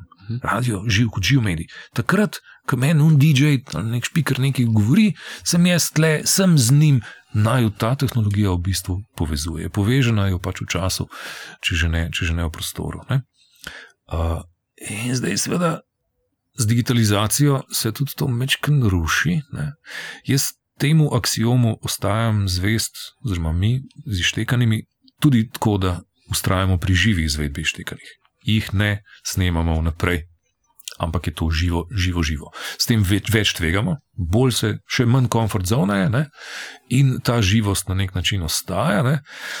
Zdaj pa, seveda, nas določen del ljudi posluša v živo, drugi pa kasneje na zahtevo, po koških na YouTubu, cek, cek. To je nova medijska resničnost, ki jo Val 202 priznava in se mi zdi, da kar relativno v prvih vrstah v našem medijskem prostoru hodi v smislu več kot radio. Ne? Val 202 producira vsebine, ki niso samo radijski program. Ne? In kjer ni več problem, zasledite nas tam, tam, tam, tam. Ne? Je še kaj za narediti tukaj, absolutno, po mojem mnenju, v smislu neke več medijskosti, ne? Eh, da nismo samo, samo zvočni. Mm. Kaj hočem reči, je pa ta čas nam malo razpada.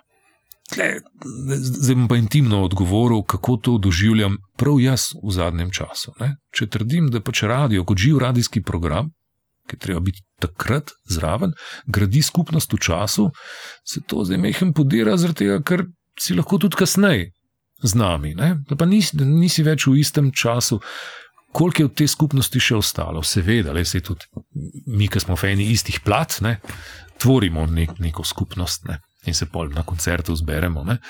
Tako da ni toliko problematično, opažam pa sam, da se mi nekaj podira in se bo moral zgraditi na novo, ko spremenjam svoje poslušalske navade. Uh -huh. ja, pri meni radio zelo veliko igra ne? in mi je glavni vir informacij. Skoraj ne gledam televizije, relativno malo berem časopise, dnevnih skoraj ne. Na tednik mladina sem naročen in tako naprej. Glavni vir dnevnih sprotnih informacij o dogajanju mi je radio. Ne, vzgaja, ne vstajam prav zgodaj, tako da zamudim jutranjo kroniko ob sedmih.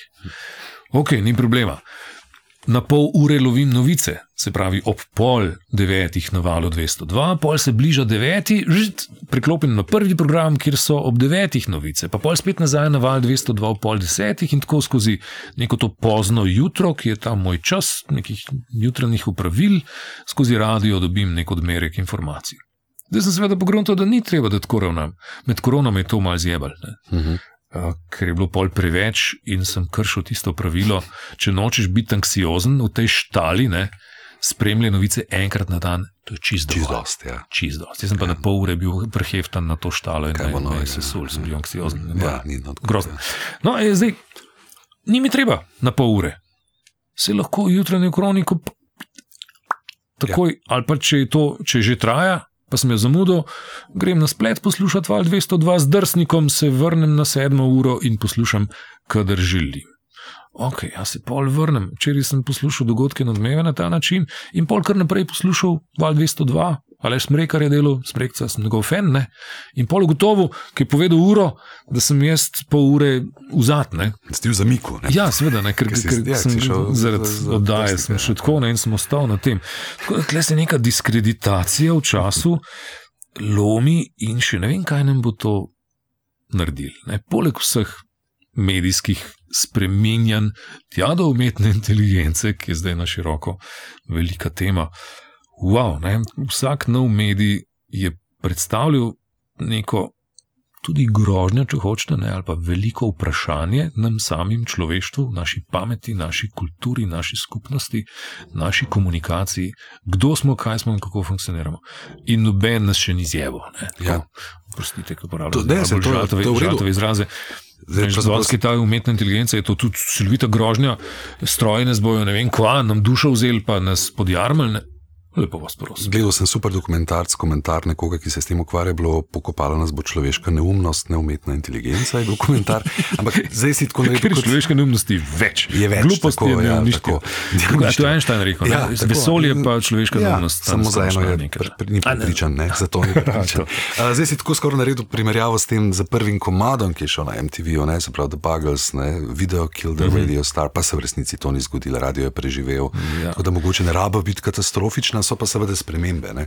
Zdaj, recimo, igravci zganjajo Viking Creek upravičeno, veš, njih lahko replicirajo, pa naredijo film da, brez njih. Da, da. Indijanci so verjeli, da če jih fotkaš, da jim boš dušo odnesel.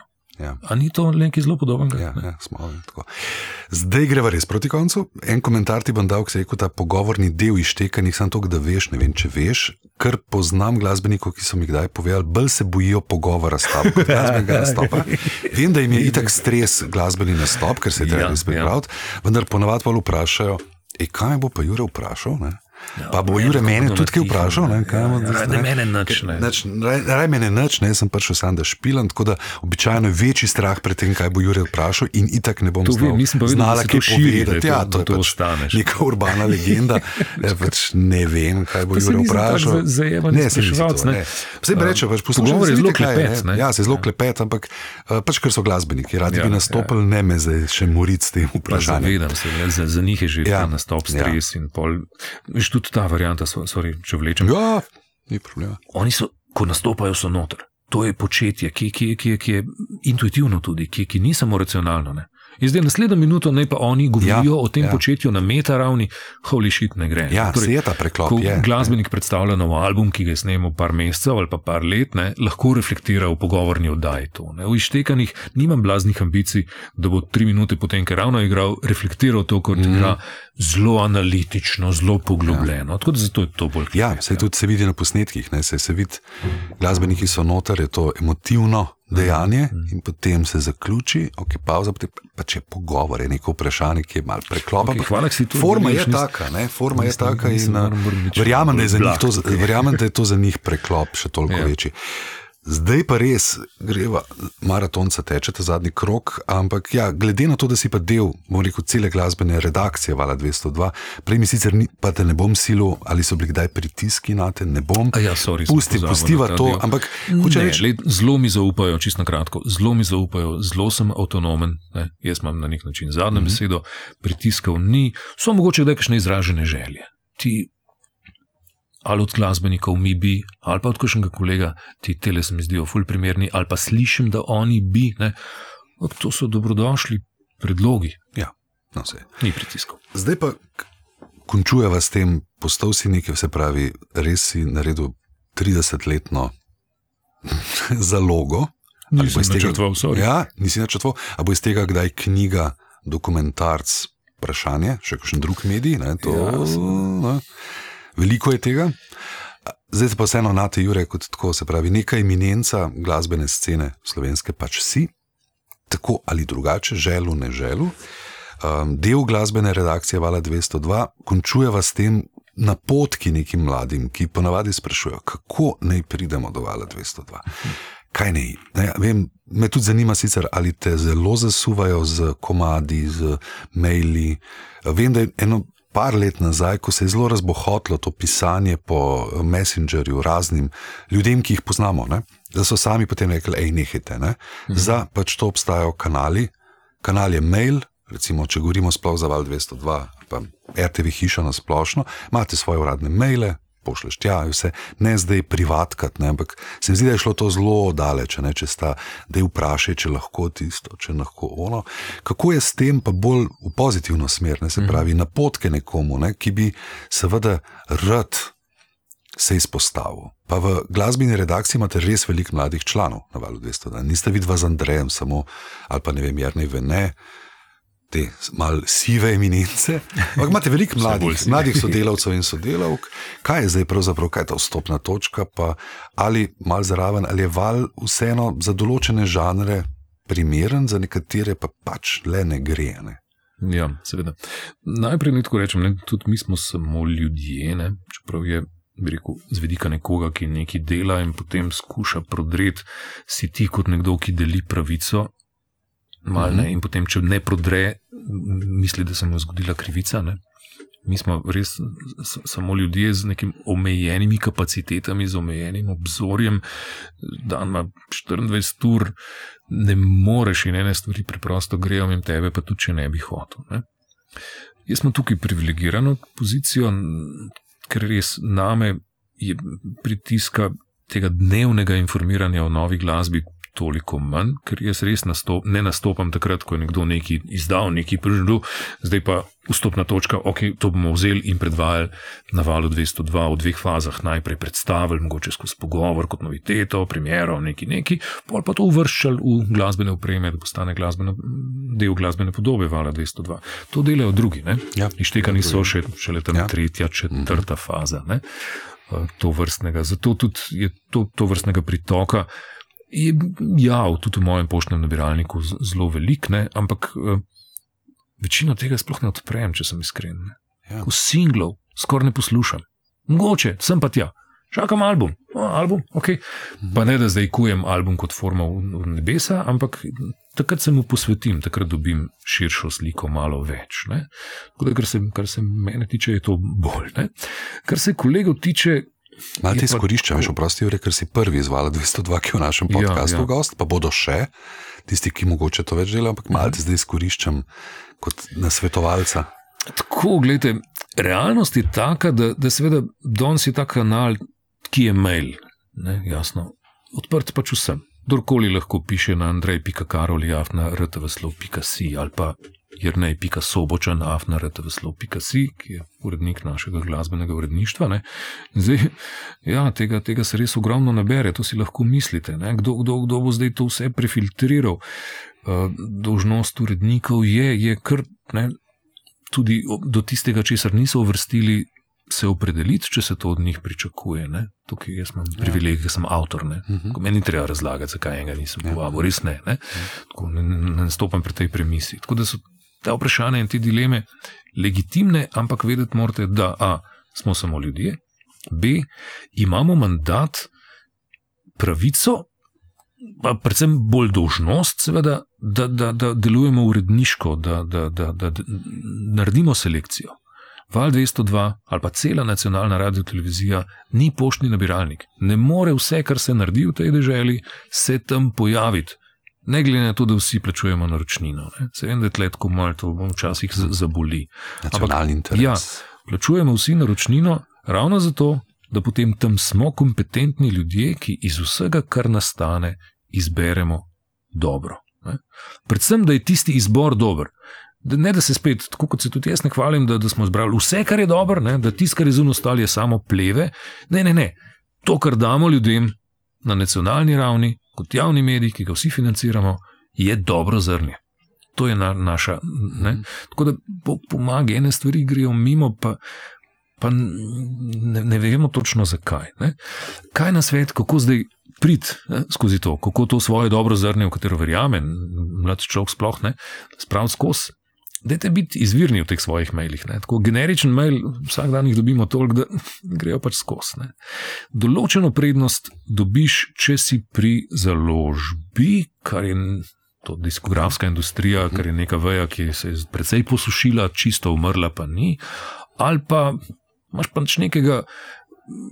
PR-ovca, kot se reče, ne, se pravi, tistega, ki dejansko zna to spraviti naprej v svet, v medije in skozi medije do ljudi, ne, ki, ki mu tudi mi nekako relativno zaupamo, oziroma vemo, da je tudi založba ima svoj profil. Ne, če ena založba nekaj objavi, gremo gledati. Mogoče rajš kot z neznanega elektronskega naslova izvajalca, ki ga še nismo slišali, pa je lahko boljši v resnici.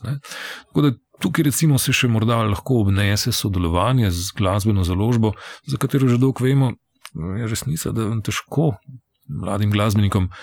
Da, nekaj, česar sami ne morete, ne morete ja, narediti, to je dejstvo. Ampak vendar je tam zunaj pester svet, džungla, kako biti unikaten.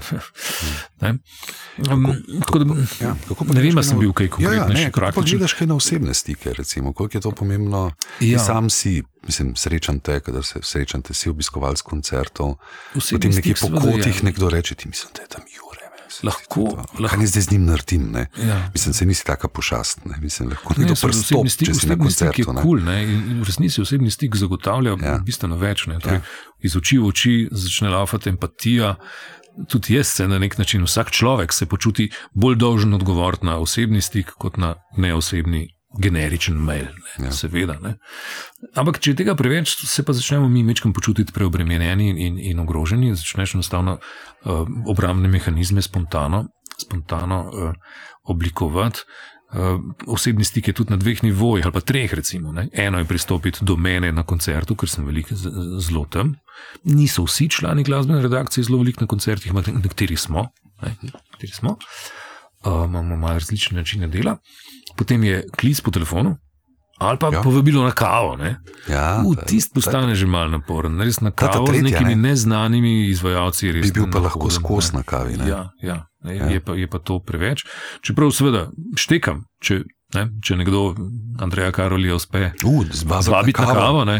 Ja, to je to dober PR-ovski uspeh. Ja. Sveda, ker je pridobil nekaj njegovega časa, ki mu je lahko sporočil veliko, ker, ker se mu je usidral v, v, v zavest in podzavest in bo, ga, bo, ga bo bolj upošteval kot nekoga, ki ga sploh nimajo priložnosti spoznati. Ampak ne, ne furam tega kot recept. Mm. Mislim, mi res nismo na ta način podkupljivi, pretežka beseda, ni nas treba crkljati na ta način. Z kavami ali, ali z, z, z darilci in tako naprej, ja. bohvar, brez veze. In prvi nivo, ko si na koncertu, ko si v nekem javnem prostoru, pristopa do tebe, je to preveč nadležno ali to še nekaj gre skozi? Ne, to, Če si recimo v kinu Šiška tam, to kar dajte. To, to kar dajte. To lahko. Bom že to povedal, če, če mi ne bo. Ne, se si odrasel, ne, ne, ne, ja, še rekel, pusti me primer. Tako. Um, Ni preveč usiljivo. Sej sem se sicer prijazen, ne. Uh, ni problem, nisem pošast, pa, pa v bistvu jaz hodim tja tudi zaradi socializacije, tudi zaradi druženja. Lahko povem tradicionalno, ko 20-30 let nazaj so bili koncerti vitalni, so, so bili, kot radi rečejo, ne, lokalni, lokalni kafič je bil Facebook. Mm -hmm. Jaz sem tja hodil, da sem srečal ljudi, da sem se z njimi zmenil, jaz sem se na koncertu zmenil za, za naslednje štekanje lahko. Pa, ja. pa, pa detalje, jaz sem imel papir sabo, smo se tam pomenili. Ne. Šele kasneje smo malo bolj po mailu začeli to delati, danes pa na oblaku imamo file, ki ga vsi vidimo, vse čas sveže. Zdaj pa res zadnjih 100 metrov, ta krok teče že zadnje pol ure, ne, tako da smo že malo upehana. Um, prihodnost, ne, moja odgovornost, ja, prihodnost, Jure, Aha. kaj še? Še 20 let. Ja, ne, še kako, mislim, razmišljaš kaj o tem? Zdaj, ob 30-letnici, zanimivo je manj teh vprašanj. Zelo velikih je bilo v 25-letnici. Mogoče je taka polovička, 50. Je taka polovička in tako so vsi preskočili, no, a bo 50, ne. Abraham. In jaz sem se hahljal takrat, ja, res ne predstavljam, da pri svojih 70 plus bom še vodu to oddajo. Ne? In kasneje, ne toliko, kasneje sem pogrunil, da sem bil v bistvu sebičen in oskosrčen. Ne? Da sem lahko, ali pa da bom lahko srečen, tudi jaz. Pa še marsikdo, če bo ta oddaja preživela, mene, ne nujno moje življenje, lahko tudi moje, moje profesionalno življenje, moje kot voditelja. Kje pa piše, da moram jaz ištekane voditi do smrti, ne? do britkega konca, da moram potem ugasniti. Ne? Tako da zdaj pravim, da če imajo ištekani to vrstno prihodnost, če bojo prerasli vse nas, ne? toliko lepše. Bi lahko, se pravi, bi tega otroka dal vrejo naprej naslednjemu. Sicer jaz, ja. to so seveda pa pol kočljivo vprašanje, aha, kdo pa ne? Ja, Pojma nimam, ne. Slepa, slepa je v mladina. Mm, izziv, ne. Brcnite me mal, mal, mal urit, ne. Mhm. Da bi imel asistentko, asistenta, ki bi se zdaj skozi vajeniško dobo začel za naslednjih deset let upeljati. Do zdaj nisem o tem razmišljal. okay. Ampak mogoče čist naslednja realna stvar, ostanem na nek način kurator ali pa so kurator vodili pa ja. morda nekdo drug, ko se bom jaz iztrošil. Zaenkrat je še veliko. Ok, ampak zaenkrat, za pet let bo še. Bo. bo. Za pet let lahko okay. ljubim. Ja. Res vas je izdatno, izdatno so se nagovorili, Jure, hvala. Hvala, hvala, hvala. Ti je bilo v redu. Upam. Hvala predvsem unim, ki ste zdržali do te do točke. Ure, ure in pol, da vidimo, kdo ima res, kdo ima res dovolj energije. Ni problema. Se zato pa lahko prekinejo, pa grejo pa poslušati. Ne? Prednost tehnologije. Hmm. Zadnja točka, tvoja glasbena želja. Evo, napovedal si jo na začetku. Ja, prva, ki je priplavala ja. tako žit, je bil eden najlepših komadov v mojem življenju ki mi grejo soze na oči, kadarkoli ga slišim.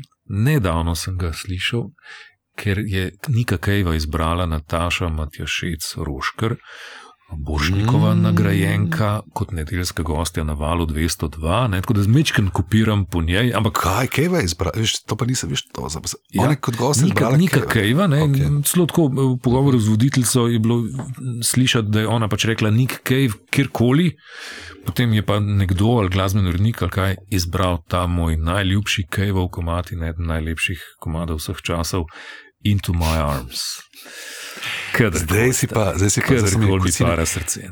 Ja, mm, to drugače osebno zelo sem si izbral enega izmed komadov, ki bi bil lahko na mojem pogrebu.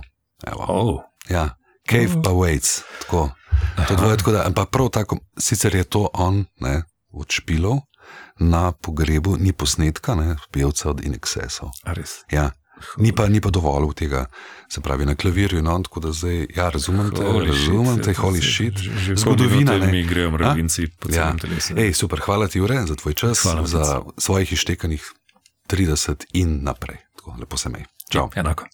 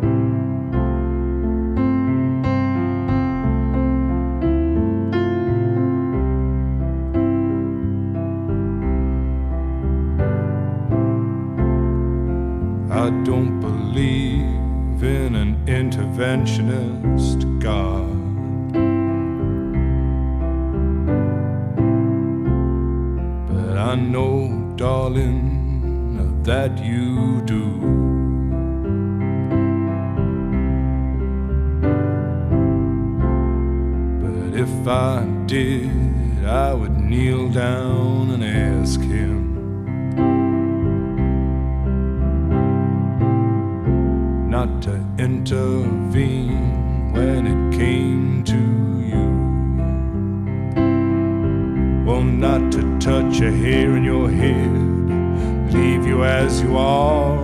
If he felt he had to direct you, then direct you into my arms. Into my arms, oh Lord, into my arms, oh Lord, into my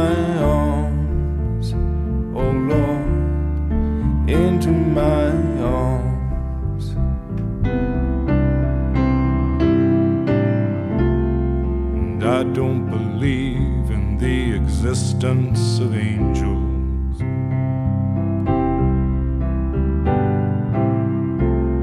But looking at you, I wonder if that's true.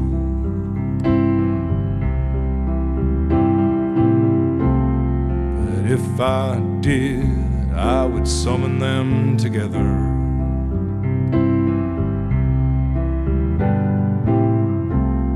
and ask them to watch over you.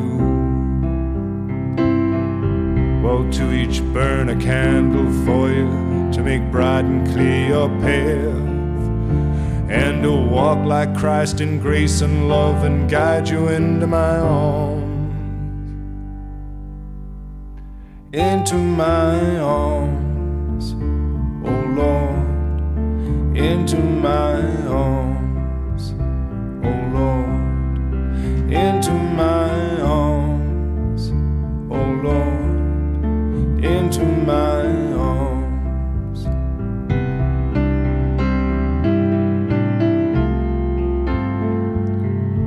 But I believe in love.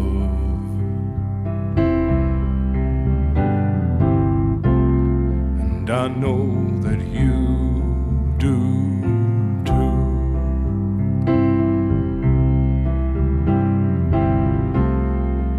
I believe in some kind of path.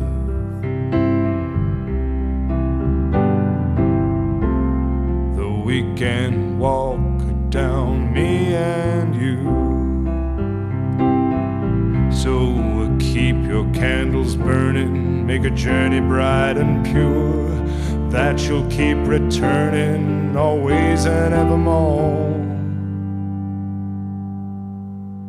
into my arms, oh Lord, into my arms, oh Lord, into my arms, oh Lord, into my